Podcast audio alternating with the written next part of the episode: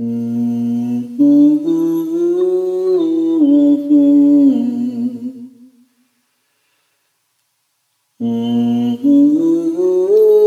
ander gelijktijdig begin, later te noemen hoofdstuk 2.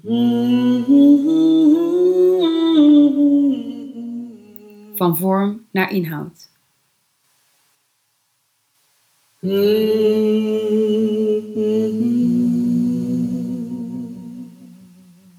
Op 24 mei 2018 heb ik Boukje Zwijgman bij Podium Hoge Woord horen spreken in een voorgesprek voor haar voorstelling Wiek. Ik zal mijn eigen woorden samenvatten wat Boukje Zwijgman hier zei. Je kiest een gegeven zoals die wieken. Je voelt aan alles dat er iets in zit. Je weet natuurlijk nog niet hoe dat werkt en wat het precies betekent, maar je gaat het doen en ermee aan de slag. Spielerij. Als je begint vanuit een vooropgezet idee, waar je een vorm bij kiest, wordt het een soort plakwerk. Terwijl wanneer je een vorm kiest en eerlijk onderzoekt wat hieruit voortkomt, dan wordt het echt. Ik pende zo snel als ik kon mee in mijn schriftje. Ik was zwaar geïntrigeerd. Ik voelde een soort erkenning en bevrijding. Ik had het concept van mijn badkamervoorstellingen al klaar liggen en voelde een bevestiging dat ik goed bezig was. 2019. Afstudeervoorstelling. Ik zet de uitspraak van Boukje Zwijgman in als werkconcept. Ik start bij de vorm en eindig bij de inhoud. Ik wil graag een voorstelling maken vanuit de badkamer, omdat ik het een fascinerende plaats vind. Ik kan nog niet helemaal vastgrijpen waarom, maar ik zal een poging wagen. Het is een plaats in je huis waar je dagelijks komt, zoals de woonkamer. Maar het heeft ook iets klinisch, zoals een lab, mortuarium, psychiatrische inrichting of ziekenhuis. Het gaat over schoon zijn, of vies zijn en schoon moeten worden. Het is een plek waar je elke dag gedachteloos dezelfde handelingen uitvoert. Misschien wel naast degene waar je van houdt zonder dat er contact is. Het is een plaats waar je naakt en kwetsbaar bent. Naakt zonder mooi te hoeven zijn. Witte tegels. Een spel met regels en vakken. Stappen en zetten.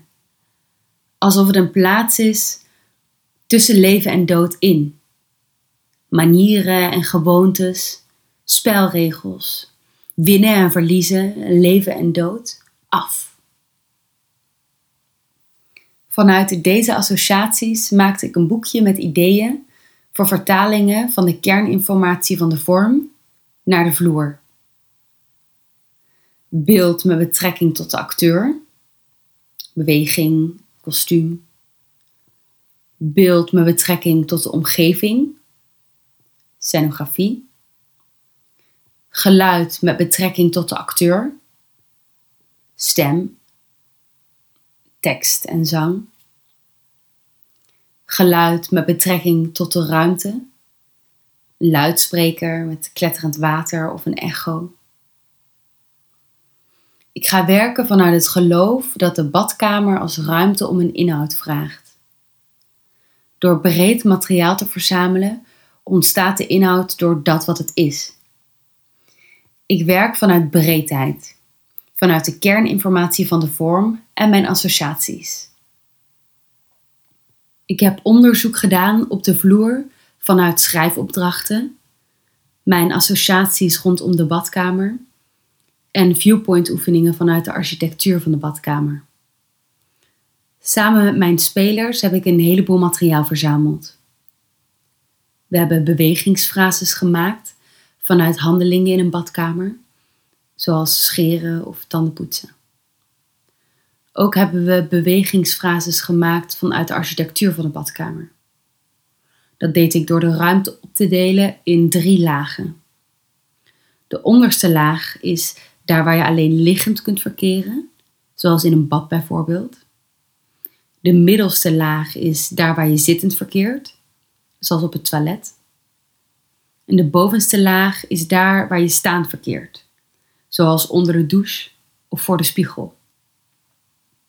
Zo maakten we bewegingsfrases vanuit de vorm van de badkamer. Ik zal een voorbeeld geven van dit vloeronderzoek uit mijn logboek. 2019 afstudeervoorstelling. Een van de eerste repetities.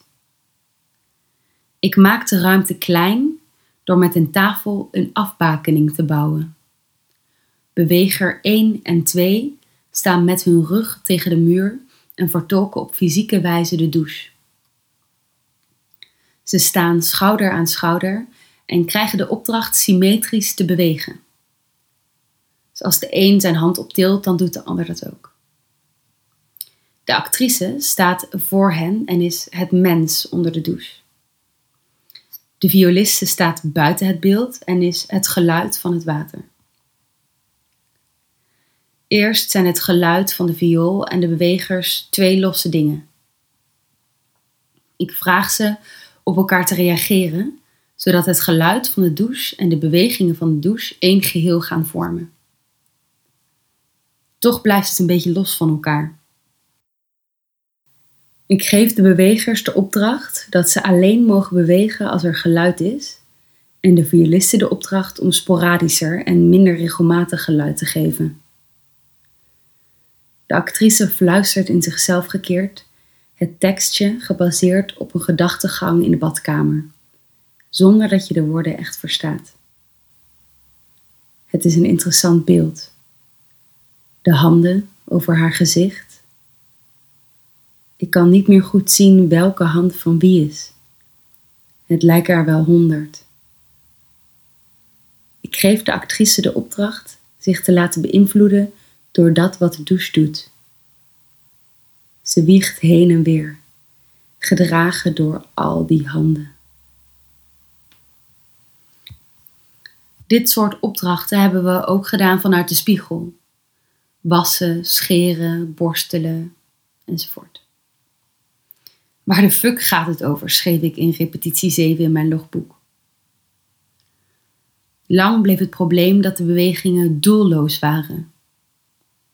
Dit had te maken met mijn onderzoek naar inhoud en vorm.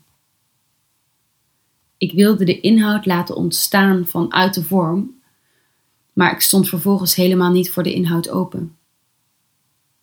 Ik leunde zo erg op vorm dat ik de inhoud geen ruimte gaf om te ontstaan. Via de vormopdrachten dienden zich allerlei inhouden aan. Ik wist toen alleen nog niet dat je wel moet kiezen want kiezen is scheppen. Hierover later meer. Mijn begeleidend docent dacht met mij mee in mijn zoektocht en zei: Vorm is per definitie het voertuig van de inhoud. Dat klinkt logisch en aannemelijk, maar hiermee suggereer je eigenlijk dat vorm alleen een technisch en dienend omhulpsel is. Dat inhoud betekenis is en vorm betekenisloos. Hiermee doe je vorm tekort. De scheiding ligt namelijk ergens anders. De scheiding ligt niet bij het hebben van betekenis, maar bij de bedoelde betekenis. Laten we als voorbeeld de mens nemen. De vorm van de mens is zijn lichaam. En de kennis en inzichten die de mens heeft zijn de inhoud. Het lichaam is dus in zekere zin het voertuig van deze kennis, maar de kennis is ook zeker een product van het lichaam. Inhoud, gedaan met die alleenheerschappij. Vorm en inhoud zijn binnen het theater afhankelijk van elkaar. Ik zal een scène uit mijn voorstelling beschrijven. De vorm. Een meisje met zwart haar en vochtige ogen ligt op haar zij op het voorplan van de speelvloer. Eén arm ligt omhoog onder haar hoofd. De ander ligt voor haar op de grond. Ze ligt daar minutenlang. Ze staart bewegingsloos met een lege blik voor zich uit. Inhoud. Ze is gevuld van verdriet. Het is zo groot dat ze niet eens meer voelt. Ze verkeert in een staat van katatonie. Ze zou het liefst opgaan in de oneindigheid. Vorm en inhoud bevatten betekenis. De vorm bevat een kerninformatie en de inhoud is de bedoelde betekenis. Je zou zelfs kunnen stellen dat inhoud en vorm los van elkaar enkel deeltjes informatie zijn. Zodra ze samengevoegd worden, ontstaat er betekenis en zodra een toeschouwer aanwezig is, wordt het theater. De voorstelling werd gespeeld binnen mijn school. Mijn afstudeervoorstelling. Het einde van de opleidingsperiode die grotendeels gekleurd is door het verliezen van mijn ouders. Kon de voorstelling eigenlijk ooit ergens anders over gaan? Als je een vorm kiest en eerlijk onderzoekt wat hieruit voortkomt, dan wordt het echt. Had Boukje Zwijgman dit bedoeld met echt? Misschien. Het starten vanuit vorm zou ik nu anders aanpakken. Ik begrijp nu beter dat theater bestaat uit de wisselwerking tussen inhoud en vorm. Door hier zo streng mee om te zijn gegaan, heb ik geleerd hoezeer het denken doordrongen is van het waanidee dat inhoud boven vorm staat. Vorm en inhoud zijn beide voorwaarden voor theater. Elke vorm heeft inhoud en elke inhoud heeft vorm. Het werken vanuit vorm gaat voor mij over het einddoel niet vastzetten, maar open blijven staan voor alles wat er al is. Het even niet durven weten. Zo kun je jezelf verrassen. Door je te openen voor meer opties, wordt het maakproces onvoorspelbaarder, spannender en misschien zelfs zinvoller. Je geeft jezelf op deze manier de mogelijkheid om uit het lineaire denken te breken.